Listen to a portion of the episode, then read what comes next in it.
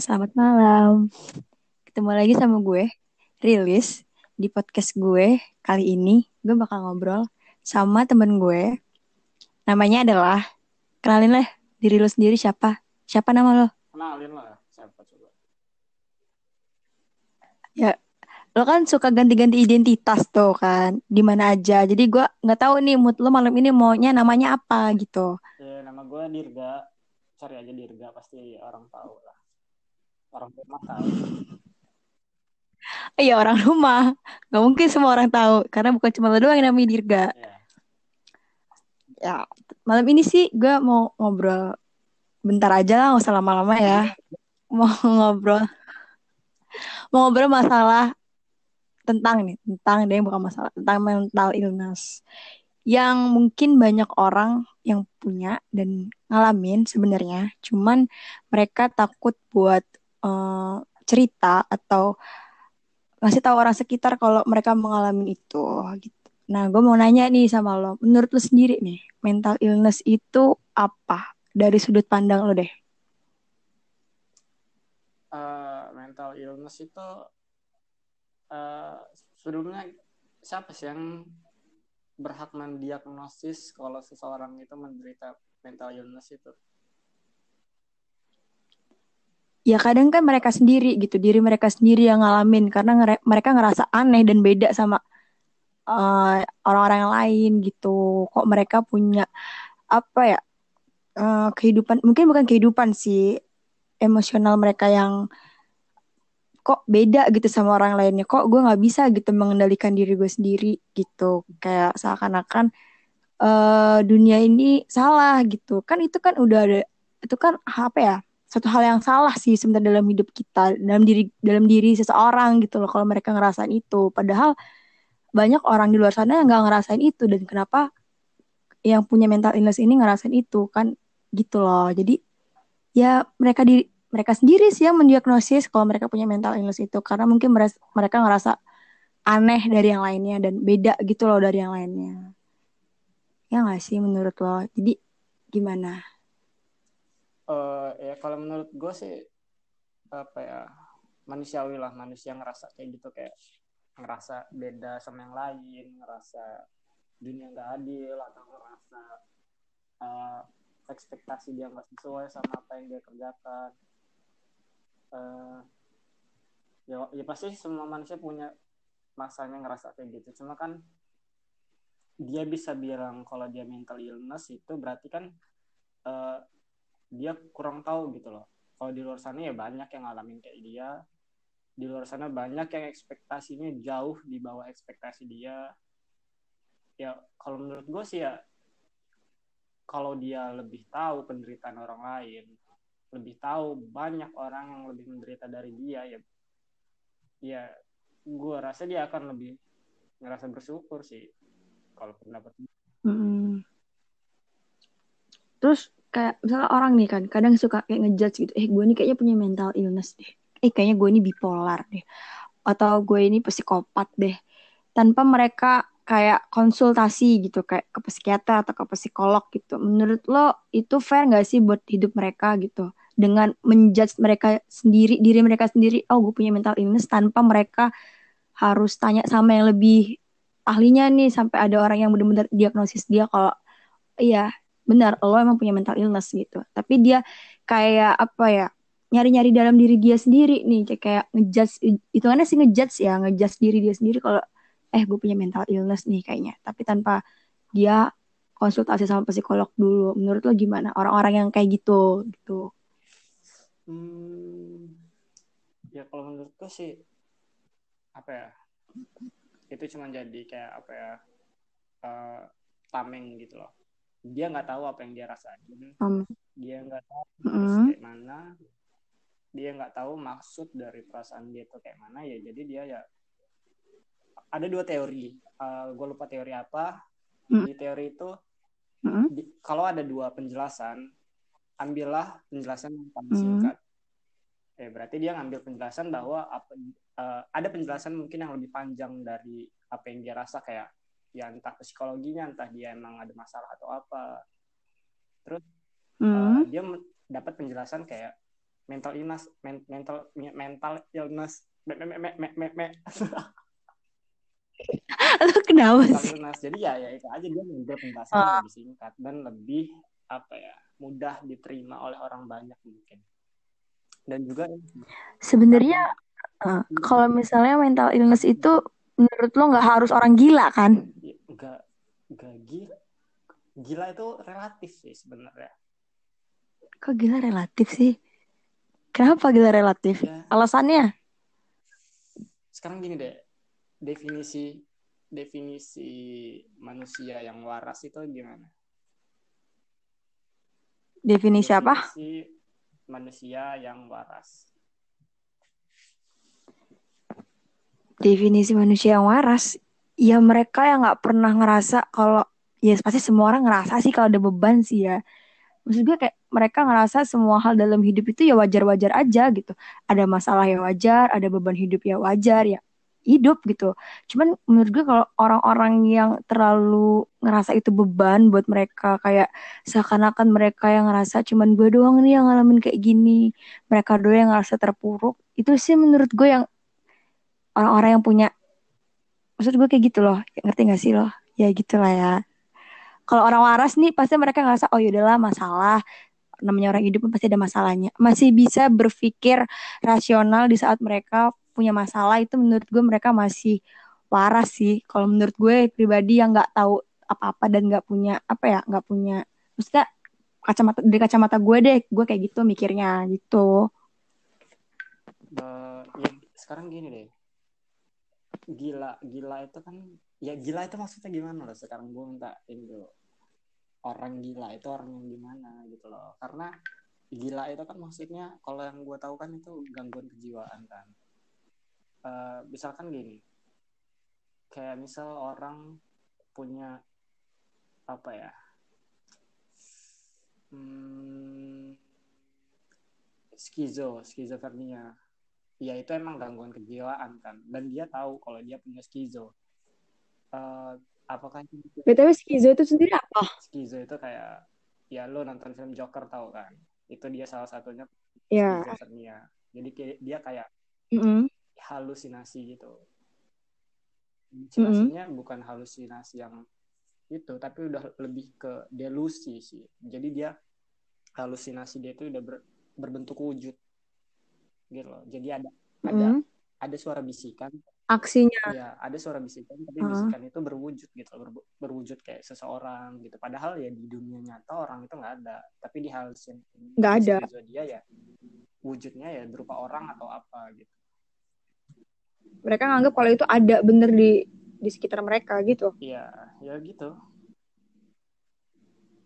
menurut lo kalau gila itu ya bener kayak gitu. Mereka halu sampai bener-bener ngelakuin suatu hal yang sebenarnya nggak ada tapi dia ada-adain gitu Hmm, ya itu makanya gue nggak tahu definisi gila itu seperti apa. Karena kan kalau dia sadar, sadar dia punya gangguan itu, gangguan skizofrenia itu, berarti kan dia dia sadar dia punya gangguan itu dan dia berusaha mengobati ya berarti nggak gila dong.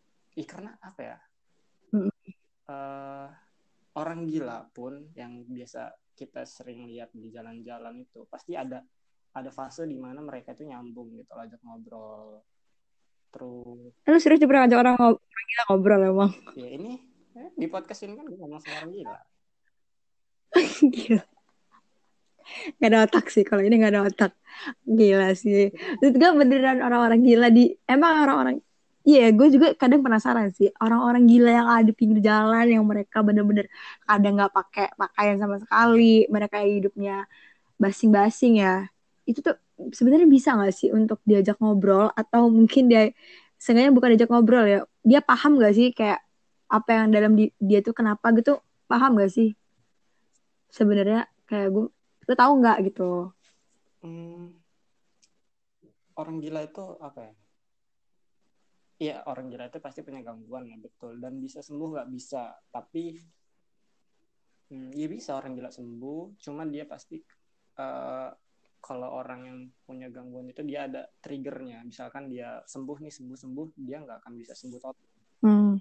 kalau misalkan dia udah sembuh terus dihadapkan sama kondisi yang yang menyebabkan dia inget trauma dia yang bikin dia gangguan itu Mm ya -mm. bisa jadi balik lagi. Gangguannya Mm. ya itu sih emang kalau gangguan kejiwaan itu nggak ada yang bener-bener pulih pulih pulih bener-bener itu kebanyakan tapi ya ada juga yang bener-bener sembuh. Mm. Tapi sebenarnya kalau misalnya gangguan kayak mental illness sama gila ini satu hal yang masih satu jalan atau beda kah? kalau menurut gue sih beda sih kalau mental illness mental illness itu kan kayak ya suatu fase gitu bukan suatu apa ya terus-terusan kan kayak misalkan ya kita lagi stuck nih sama pencapaian kita entah itu lagi kuliah Mm -mm, mm. ya, entah itu Iya. dari hubungan sosial kita ya Mm -mm. ada fasenya gitu dan itu nggak akan berlangsung terus menerus beda sama kegila eh kegilaan beda sama gangguan kejiwaan karena kalau mental illness itu kan Hmm.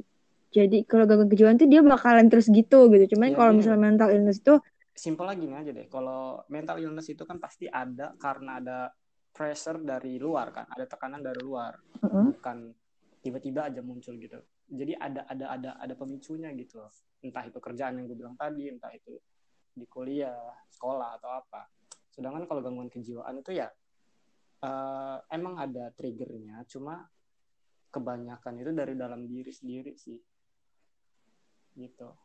Ya simpelnya kalau mental illness itu eh, semua orang ngalamin lah fase itu. Cuma ya lambat laun eh, ya selesai sama waktu. Itu diobatinnya sama waktu sih.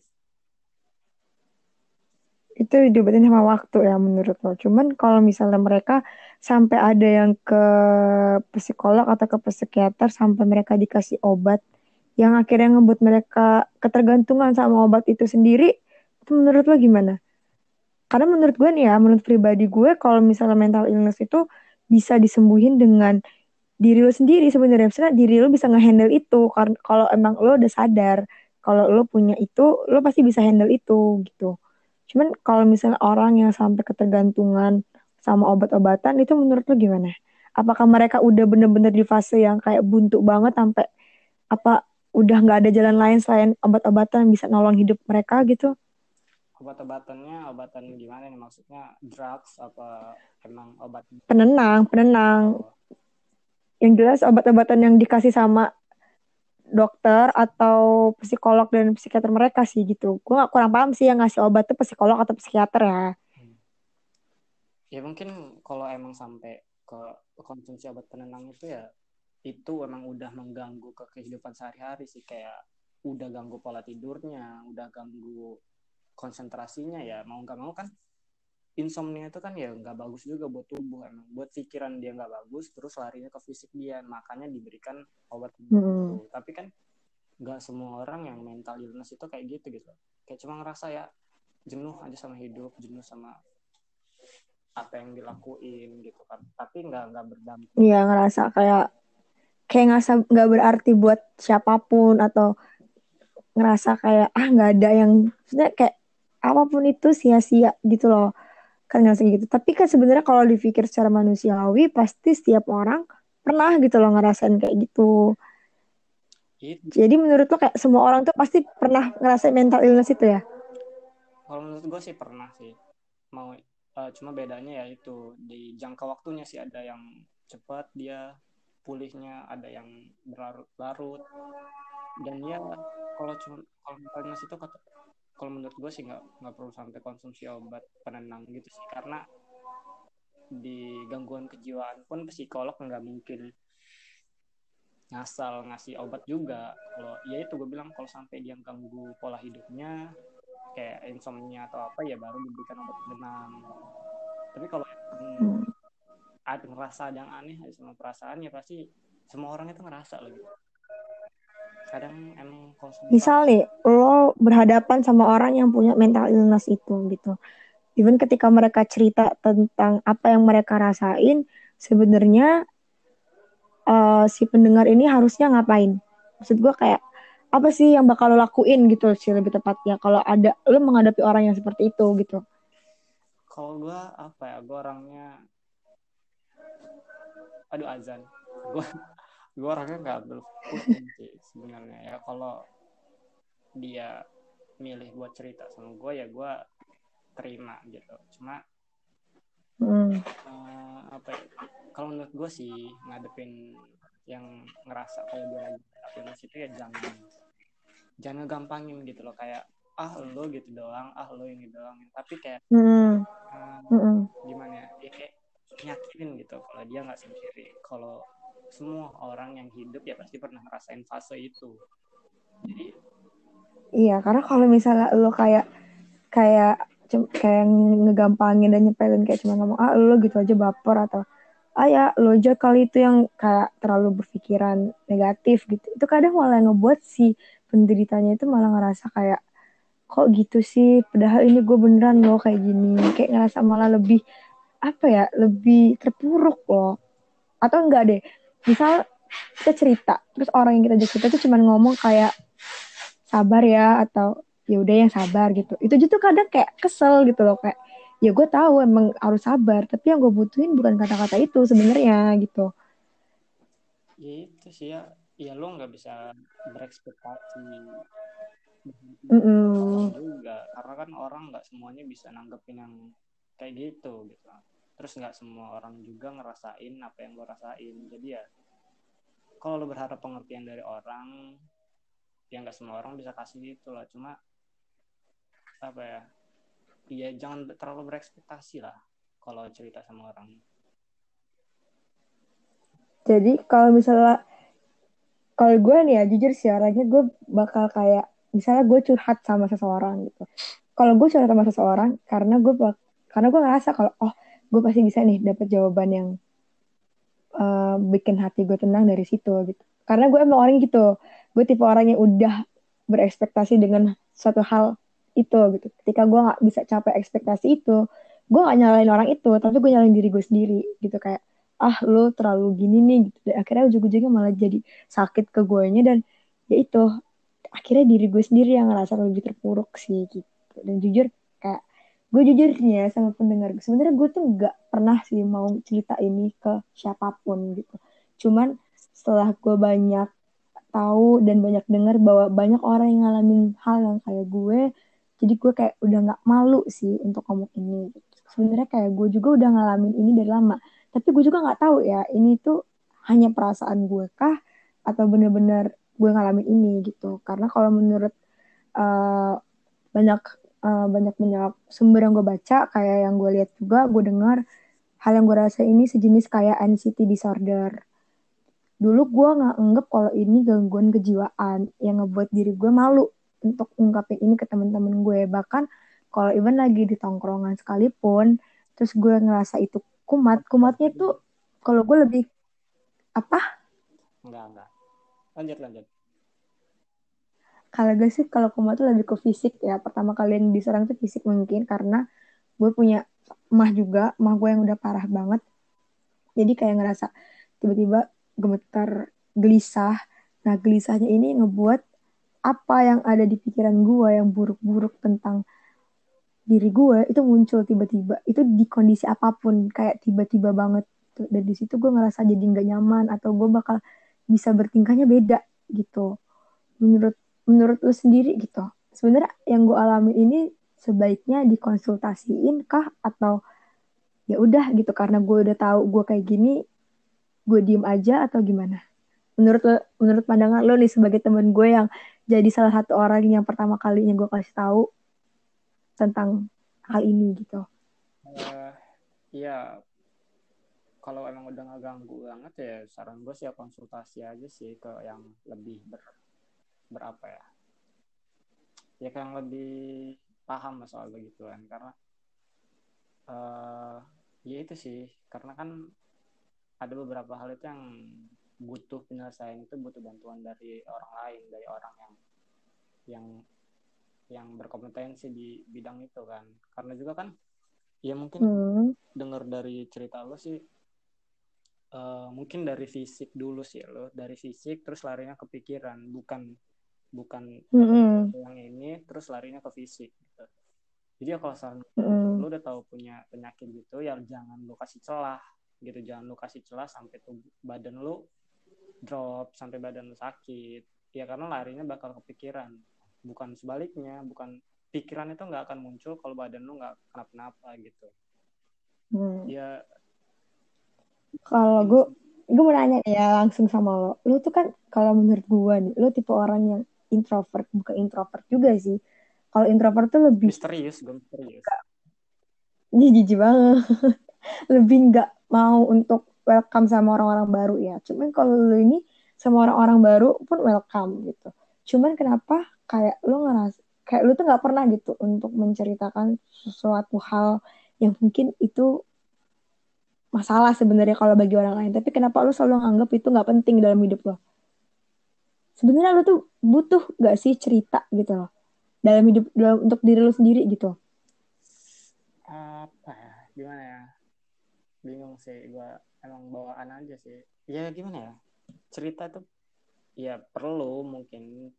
Perlu tapi nggak terlalu yang jadi solusi buat gue gitu loh. Karena setiap gue ada masalah setiap gue ada pikiran itu gue coba dulu selesaiin dengan diri sendiri gitu. Karena apa ya karena yang tahu kondisinya karena yang tahu keadaannya itu gue terus yang tahu Mm-mm, kemampuannya kemampuan diri gue ya gue jadi ya mm-mm, kalau gue udah dapet solusi untuk nyelesain masalah itu untuk apa dicerit dibagi sama orang lain gitu. Ya masing-masing orang kan beda gitu sih. Karena ya, ya menurut gue ya nggak terlalu apa ya nggak terlalu penting lah cerita soal masalah-masalah gitu selama masih bisa nyelesain masalah sendiri mah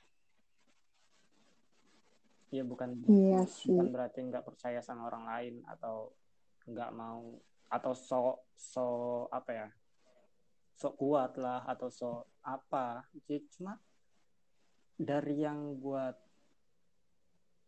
lihat entah itu cerita temen gue Mm. entah itu dari apa yang nggak tau lah gini deh gue tuh tipe orang yang setiap ada orang cerita sama gue itu tuh di kepala gue Mm. di kepala gue pasti ada pikiran ya udah loh ini loh solusinya itu tinggal tinggal kayak gini gampang lo tinggal begini begini begitu Mm-mm. Nah, cuma kenapa orang lain nggak bisa berpikir sesimpel itu gitu loh. Ya ya itu lagi. Karena orang beda-beda gitu kan. Gak semua orang kayak lo.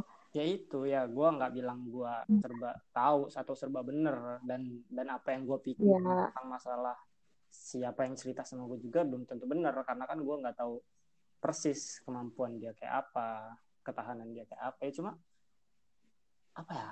Ya menurut gue ini solusinya gitu. Tapi kenapa kenapa orang nggak nggak pikir sampai ke situ? Kenapa yang nggak harus terjadi masalah dijadiin masalah gitu ya mungkin itu sih apa ya Hmm, Karena ada kalimat yang bilang kayak sharing is caring gitu. Ketika lo ngebagi, tandanya lo peduli atau mungkin lo pengen berbagi kehidupan lo ke orang lain karena emang rasa apa ya? Karena apa? Kayak lo butuh butuh orang itu gitu loh, butuh seseorang, butuh dipeduliin gitu loh.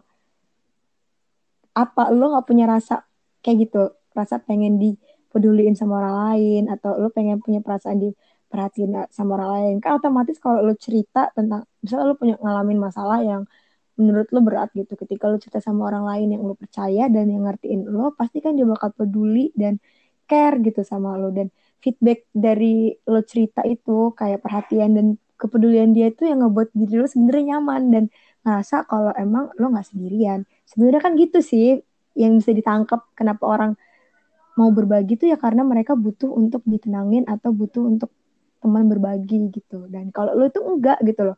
Menurut gue kayak ketika lo ada masalah ya udah lo pendem sendiri tiba-tiba ntar dibilang kayak gak apa nggak penting. Segampang itu lo ngomong kayak nggak penting gitu. Maksud gue kayak masa sih gitu hal yang ngebuat lo sebenarnya sedih tapi malah lo bilang nggak penting gitu. Apa ya kalau emang tujuan orang buat cerita itu cuman untuk dapat perhatian Hmm. eh, adalah cara yang lebih lebih apa ya lebih mudah gitu dibanding membagi kesedihan lu gitu karena Contohnya, kalau lu cerita lu bagi masalah lu untuk dapat perhatian dari orang dan ternyata lo nggak dapet perhatian itu yang ada lo Ya, sebagai kecewa sih. yang ada lo apa ya ya ujung-ujungnya berekspektasi Nambah- lagi Nambah-nambahin masalah lagi gitu ya.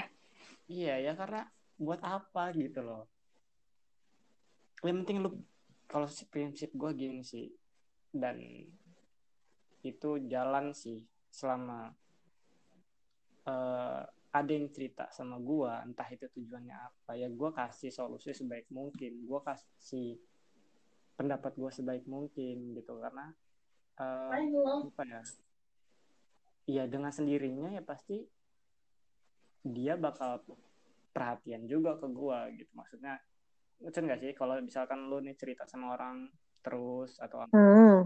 nah tanpa dia tanpa si dia cerita apa apa ke lu juga pasti lu ada rasa care gitu ke dia. Pasti lu ada ada apa ya? Ya ada rasa peduli sama dia walaupun dia nggak cerita apa apa Ya karena lu udah deket sama dia gitu. Ya iya karena ya karena ah, siapa pun yang cerita sama gua pasti udah dekat sih pasti dia udah ngerasa dia dekat sama gua gitu sih Kalau misalnya ada orang yang tiba-tiba random gitu, kayak tiba-tiba kayak gue mau cerita nih sama lo gitu. Lu bakal nanggepin sama nggak? kenapa kenapa Atau pernah gitu ada kalau misalnya ada orang yang random, random banget gitu tiba-tiba cerita sama lo. Entah mungkin lo lagi nunggu, biasanya nih ya kayak orang lagi nunggu gitu. Nunggu di jalan kayak atau gimana tiba-tiba ada yang cerita kayak oh iya ya saya juga tuh kayak gini dulu, saya kayak gini. Dia cerita gitu loh. Itu kan sama aja cerita sih. Lo apa bakal nanggepin dengan hal yang sama kan kata lo orang yang cerita ke lo rata-rata orang yang udah deket sama lo dan kenal sama lo gitu. Kan kadang kita nemuin orang yang random buat cerita tiba-tiba gitu. Hmm, gimana ya? Orang dekat itu, kalau menurut gue dekat itu di mana lu ngobrol sama dia, lu cerita sama dia itu lu nyambung gitu. Gue sering kok beberapa kali di entah itu kayak di eh mana lah pokoknya lagi duduk atau lagi nunggu terus ada bapak-bapak atau siapa atau abang-abang kadang abang-abang jualan itu kayak ngobrol Cerita sama lo. ya bukan cerita Curhat. ya bukan curhat juga kayak ngobrol itu ya nyambung aja Nyam- gitu Ud- ya ujung-ujungnya dia pasti cerita ya udah berapa lama jualan atau apa udah berapa lama gitu ya Berasa di acara ini loh ya. Reality show gitu loh. ya karena karena apa ya orang nggak akan mau ngebuka diri kalau dia nggak dapet sesuatu apa ya yang yang memotivasi dia untuk lebih terbuka gitu loh. Nggak sih? Ya, gue ngecil maksud gue kayak lo nggak lo juga bak nggak semua maksudnya semua orang juga bakal nggak serandom itu baru cerita tiba-tiba semua orang diceritain tentang masalah hidup dia kan enggak gitu karena memang mungkin lihat orangnya tiba-tiba kayak timbul rasa percaya buat cerita atau timbul timbul rasa ingin cerita itu pasti kan nggak ke semua orang pasti ke beberapa orang aja. Gitu. Terus ngomongin masalah mental illness lagi nih lo pernah nggak sih ngerasa ngerasain kayak gitu gitu ngerasain men- mental illness kan? Kata lo mental illness itu kan fase gitu. Siapa tahu lo pernah ngerasain fase itu. Hmm. Iya pernah sih gue beberapa kali.